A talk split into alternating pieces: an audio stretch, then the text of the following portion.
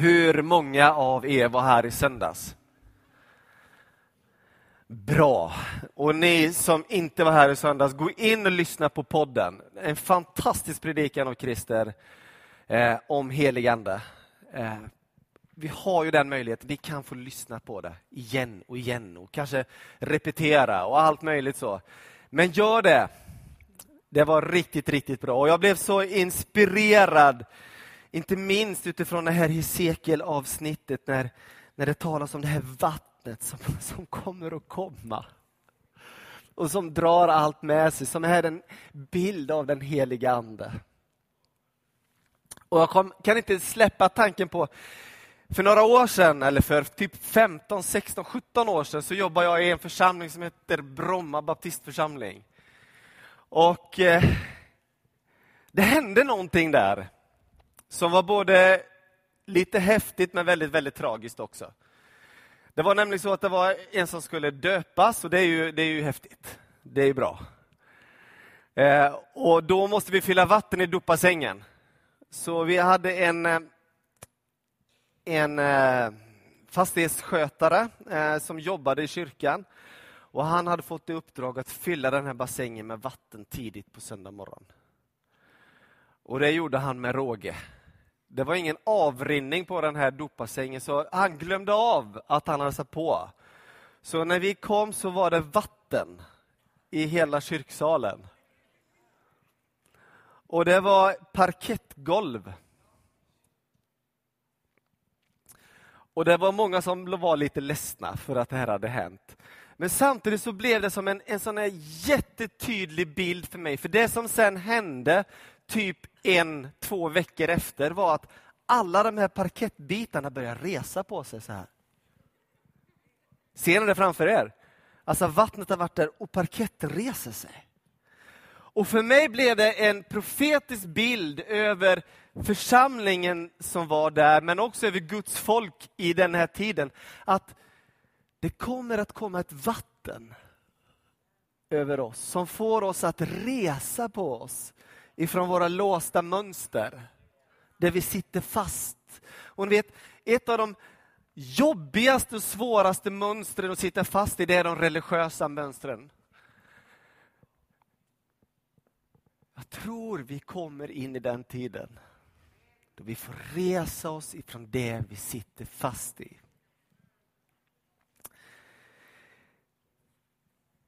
Vi tror på den helige Ande är det tema vi har för maj. Och jag skulle vilja bara skicka med ett bibelord så här i början ifrån Hebreerbrevet. Låt oss ha blicken fäst på Jesus, trons upphovsman och fullkomnare. Vet ni, min upplevelse av den heliga Ande, eller jag tror att den helige Ande aldrig visar sitt eget ansikte. För den förnämsta uppgiften som den helige Ande har, det är att kasta allt ljus på Jesus. Han ser sin ära i att kolla på Jesus. Se på Jesus, vad han har gjort för dig. Det handlar inte om något att hela tiden bara visa på sonen. Visa på sonen hela tiden. Så därför, låt oss ha blicken fäst på Jesus, trons upphovsman och fullkomnare. I den sanningen så tror jag att vi ställer oss precis jämte, axel mot axel med den helige Ande. Och den helige Ande säger, bra. Helt rätt. Vi ska se på Jesus. Jag tror också att Anden själv vill forma dig och mig och forma oss som kyrka att bli mer och mer lik Jesus. Den samlade kyrkliga erfarenheten i 2000 år har talat om imatio Christi. Alltså att efterlikna Kristus, det är det det har handlat om. Att bli mer och mer lik Jesus. Jag kan inte släppa det här att de, vi de första människorna som trodde på Jesus kallades som ett, ett skällsord för kristna. Alltså små Kristusar som springer omkring. här i världen. Alltså vi ska få bli som honom och det upplever jag är ett av Andens verk i oss. Det vi ska göra idag, det är att vi ska se på fem olika strömningar av i tiden i historien. Och varför ska vi göra det? Jo, därför att jag önskar att vi ska bli fyllda med en sån rikedom, att vi ska lämna den här lokalen idag och känna att wow vad vi är rika. Vilken ström vi lever i, som har porlat i 2000 år. Och som har tagit sig olika uttryck, men den har porlat där i 2000 år. Och Vi ska se på de här olika strömfårorna som ser lite olika ut, men vi ska se vilken rikedom vi får ösa ur. Och Sen skulle jag vilja avsluta med en, en profetisk vision eller en profetisk tanke som jag tror gäller våran tid, gäller våran församling.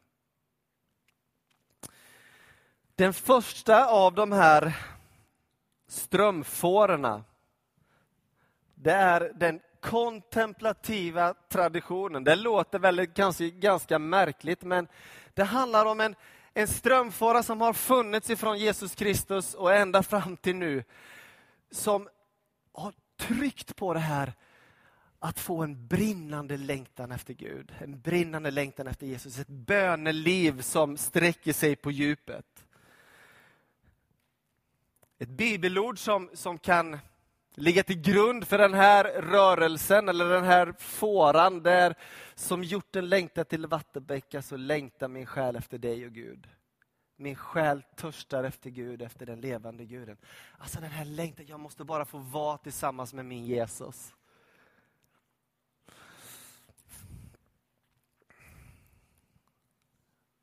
Här har jag bara radat upp några namn och några rörelser som har funnits i 2000 år. Det börjar med Jesus.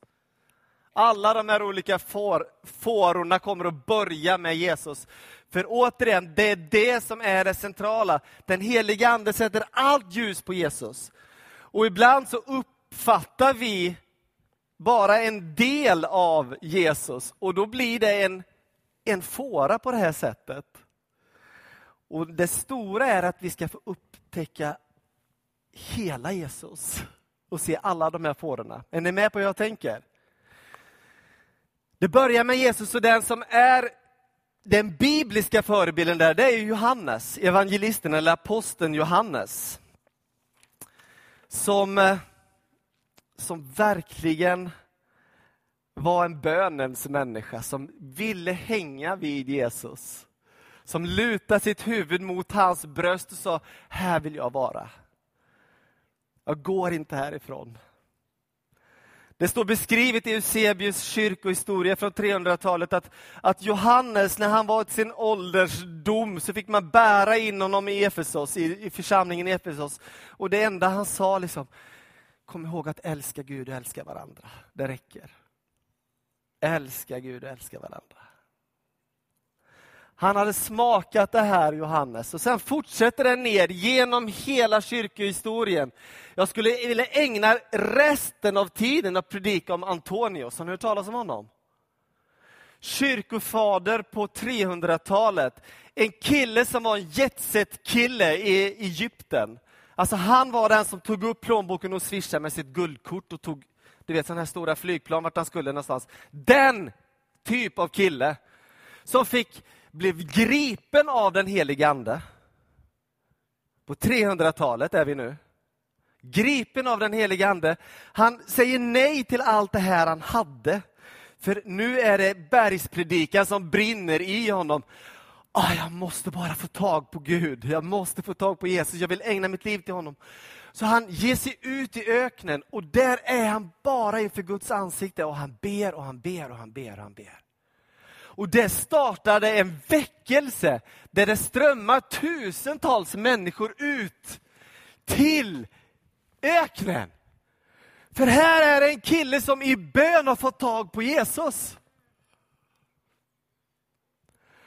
Och där får de vara med om de mest häftiga, alltså det finns en bok om det här, det finns massa böcker om det här, så du kan läsa om det.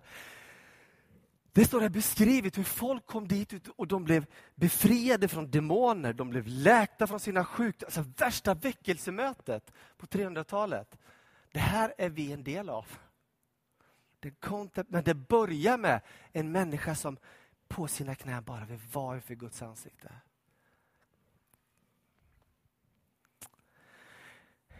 Vi har eh, benedikterna, alltså en katolsk rörelse, vi har pietisterna, vi har retreatrörelsen, Peter Halldorf, en av våra egna pingstvänner som har gått in fullt i den här traditionen, den kontemplativa traditionen, där man verkligen ber. Och Vi kan förstå att det finns massa styrkor i den här traditionen som vi kan få ösa ur.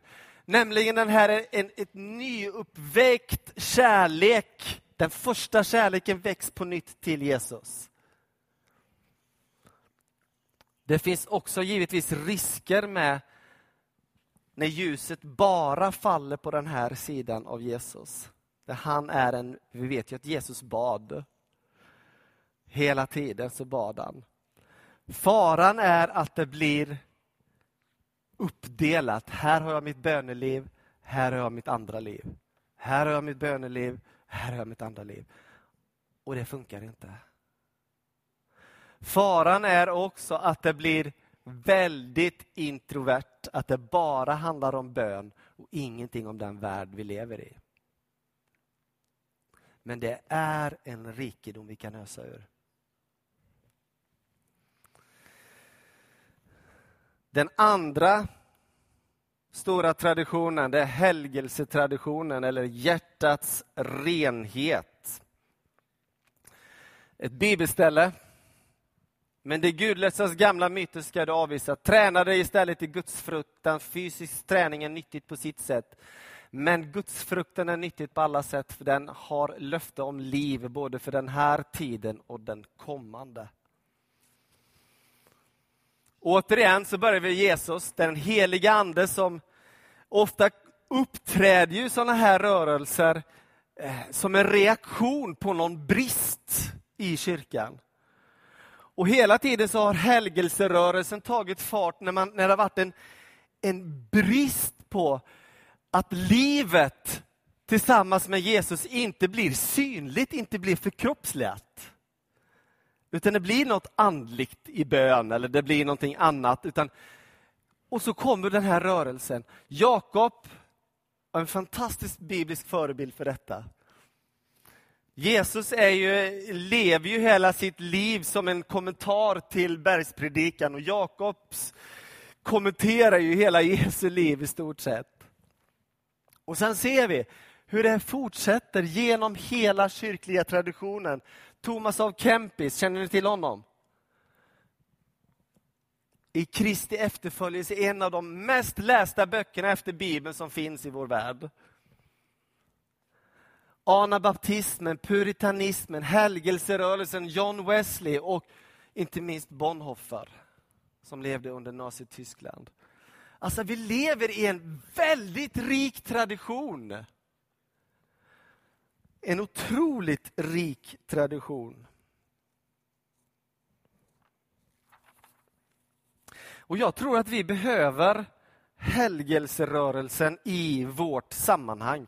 För ni vet, ibland kan det spåra iväg när det gäller kristen tro att det handlar om mig och mina problem och mina synder och mina tillkort. Att det blir väldigt fokuserat runt mig. Medan helgelserörelsen säger vi måste se på Jesus och leva med han som vår mönsterbild. Lyft blicken från egen navel lite grann och se på Jesus. Man talar inom helgelserörelsen som finns över hela världen idag också, om, väldigt mycket om dygd. Det är ett ganska tungt ord, eller? Dygd, i motsats till last. Men en dygd, alltså ett... Vad kan man, vad kan man likna det vid? Alltså, ett mönster för dig själv som får dig att kunna leva bättre i den här världen. Det är vad det handlar om. Alltså ett hjärta som har vänt sig mot Jesus så att du får en tydlig inriktning i, i Kristi efterföljelse.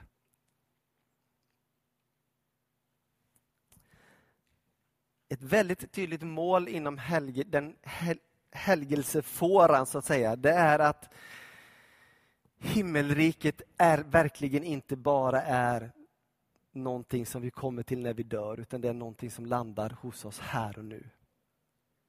Som vi får leva. Så en modern del i helgelserörelsen, inte minst, är det som vi ser idag med, med Brian Houston och Hillsong och så vidare. Så det här är något som ska få förkroppsligas, något som vi ska få leva. Vi har den karismatiska strömfåran, Andens liv, som vår tradition är en del av. Eh, om vi går tillbaka lite grann och tittar här så är det också på Jesus. Paulus var den största karismatikern vi har i Bibeln. Montanistiska rörelsen på 100-talet, 200-talet, franciskanerna på 1100-talet. Alltså Franciscus, jag skulle också vilja predika en hel predikan om Franciscus är helt enorm. Som har funnit en sån glädje i att få ge allt för Jesus och lever i, i nådegåvorna där han lägger händerna på sjuka och de blir friska. Och där han lever ut en karismatik som är, som är så vacker. Jag tänker på när vi kommer fram lite längre till pingstväckelsen. Eh, William Seymour, Sundar Singh, den karismatiska väckelsen sen med John Wimber och David Jongishu. Alltså, det här namn som ni känner till, många av er tror jag. Eh, och det är inte bara något som händer nu, det är det jag försöker, vill försöka få oss att se, utan det här är något som har rötterna hos Jesus. Och funnits med hela tiden. Vi tror ofta att det är nu vi har fått tag på det, men det här har funnits med hela tiden. Och vi står i en fantastisk tradition. Jag tänker på, det går ju inte att tala om den karismatiska väckelsen utan att tala om pingströrelsens födelse på Azusa Street 1900... När var det? Fyra, va? Det var sex? Ja, något av det här varje fall på Azusa Street. Och William Seymour, en, en, en, en predikant som får, får tag på det, eller blir gripen av den heliga Ande. Det är så fantastiskt när man läser om det här, för han ha, blev sedermera gift med en kvinna som hette Jenny Evans Moore. De var ännu inte gifta, men hon var med där och jobbade. Och på ett av de här mötena så sätter hon sig vid pianot. Jenny Evans Moore. Hon sätter sig vid pianot. Hon kan inte spela, hon har aldrig spelat i hela sitt liv. Men hon sätter sig vid, det, vid pianot, anden har fallit och hon börjar spela som, som värsta konsertpianisten. Och hon sjunger på sex olika språk på hindi och hebreiska och grekiska och massa olika språk. Och hon får det tolkat. Alltså det här är det som händer. När Guds ande rör vid folket. Och det, och det är inte bara det här övernaturliga på något sätt, utan det är också att alla de här rasbarriärerna bara faller till marken. Här är ingen längre svart eller vit. Utan nu är vi ett. Och det är en enorm kärlek som bryter igenom. Och det här sprider sig över hela världen. Och kommer sedan också till oss. Finns det någon risk med det här? Ja, ja, det är klart att det finns. Det är lätt att vi fastnar i fenomenet av vad den heliga Ande gör. Det är lätt att vi söker den heliga Andes fenomen, alltså ni vet, ni vet det här, lite gåshud och lite så därför tror jag vi behöver alla de andra rörelserna också. Är du med? Vi behöver ösa ur alla de här källorna.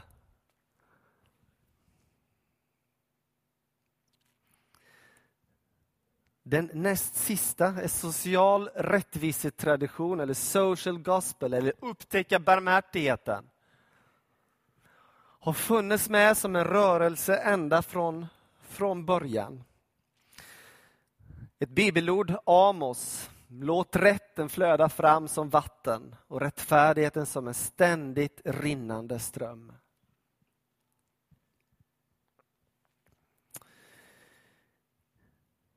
Så här skriver så här skriver en kille som heter William Penn. Jag ska berätta vem han är sen. Sann fromhet vänder inte människorna från världen utan gör det möjligt för dem att leva bättre i den och får dem att försöka bota den. William Penn, en kväkare på 1700-talet, gick på Oxford, alltså fin, fin släkt. Eh, blev religerad från Oxford för att han kunde inte stå eh, på samma fot tillsammans med den anglikanska kyrkan, för han blev en kväkare. Och gick väldigt mycket in för det här med, med social gospel. Alltså slavar. Eh, vi kan inte ha det så här. Det här går inte. Vi måste göra någonting. Evangeliet måste bli kött och blod. Det måste kännas. Han flyttar till Amerika och han, William Penn, han grundar sedan staten Pennsylvania. Så ah, ni förstår, han får vara med om ganska mycket, men han är gripen av Guds heliga Ande. Återigen, det börjar med att den heliga Ande belyser Jesus bibliska förebilder, diakonerna i Apostlagärningarna. Och sen kan man läsa vidare William Wilberforce, William Booth, Doris Day, Moder Teresa, Martin Luther King och hela medborgarrättsrörelsen och Desmond Tutu. Jag, jag, tänker, jag tänker på den här kvinnan, Miss Rosa Parks i Montgomery. Tänk när hon sitter där på bussen. Alltså det här är när medborgarrättsrörelsen börjar ta form i USA. Hon sitter där på bussen och de svarta får inte sitta mer än absolut längst bak i bussen. Och Hon sitter ganska långt bak, men inte tillräckligt långt bak och det kommer in en vit människa som säger att hon ska ställa sig upp så att han får sätta sig. Och hon vägrar. Hon är fylld av den heliga Ande, Miss Rosa Parks. Hon vägrar att resa på sig. Och där startar det någonting som är fött av den heliga Ande. En medborgarrättsrörelse som vänder upp och ner på hela det amerikanska samhället. Fatta, det här får vi ösa ur. Det här är vår historia. Kan ni känna rikedomen i det? Och jag känner att vi behöver alla de... Vi får inte snö, snöa in på bara den lilla biten som är vår kultur, utan vi behöver allt det här. För allt tillhör oss.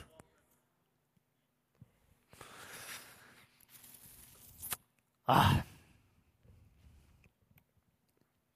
Sen har vi den evangelikala traditionen.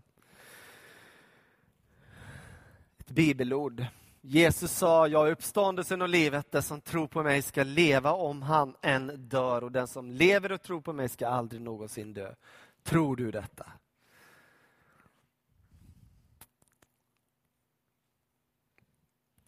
Det här är ett citat från en annan kille som heter D.L. Moody. Han skrev så här, det monument som jag önskar över mig när jag är död är ett monument med två ben som går omkring i världen. En frälst syndare som berättar om Jesus Kristus, Jesu Kristi frälsning. D.L. Moody. Här har du någon från de evangelikala strömningarna. Där den heliga Ande har lyst på den här biten hos Jesus. och Man ser att nej men, vi kan inte bara hålla på med och bara brunnar och bygga skolor. Utan det handlar också om människors frälsning. Det handlar om människors insida också. Och så får man tag på detta. Faran, risken är om man, om man bara låter detta vara det som driver oss. Men det här också. Är ni med på det?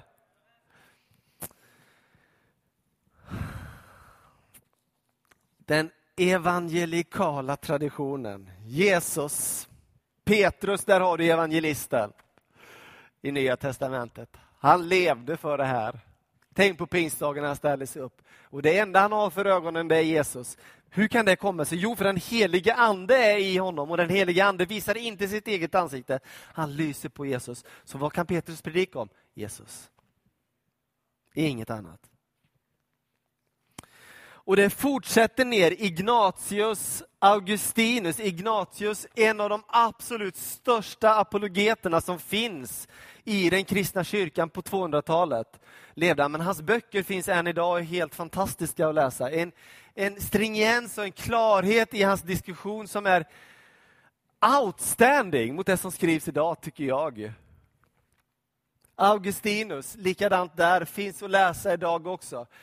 Jag står upp för evangelium, står upp för Guds ord. Det är någonting som vi behöver. Och det här kommer ju tillbaka sen. Märker ni att så är det som om att det är någonting som har kommit, blivit åsidosatt i kyrkan och så märker man det, så startas det en rörelse. Och så kommer Luther, Zwingli och Calvin som är de stora reformatorerna på 1500-talet. Och så går det vidare med den stora väckelserörelsen med Finney, Modi, Spurgeon, baptismen, som vi är också en del av, vi är en baptistisk rörelse. Där har du den evangelikala rörelsen. Alltså vi har både den karismatiska och den evangelikala i vårt här. Men jag vill mena att vi också har allt det andra.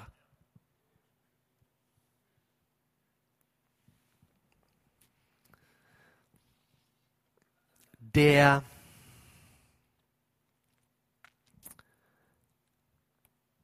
Det som jag tror att den helige Ande vill göra idag. Det är att han vill lysa på Jesus så att vi ser hela Jesus. För när vi ser hela Jesus så ser vi alla de här fårorna, alla traditionerna. Inte bara en liten del. Utan vi vill se, vi vill ha, vi vill ha mer av Jesus och hela Jesus, eller hur? Och jag tror att vi kommer få ösa ur den kontemplativa traditionen där vi bara faller till marken och vi bara längtar efter Gud. Vi får ösa ur helgelsetraditionen där vi längtar efter att våra liv ska bli hela, inte halvhjärtade. Inte att vi leker en kristendom, utan vi, vi är. Vi är kristna. Att vi får ösa ur den karismatiska fåran där, vi, där det inte bara handlar om vilka vi är, utan också att vi får kraft att göra Guds rikes verklighet. Som John Wimber sa, som är lite grann min guru när det gäller den, evangeli- den eh, karismatiska fåran, han sa Just do the stuff. Alltså gör det bara. Ut. Be för sjuka.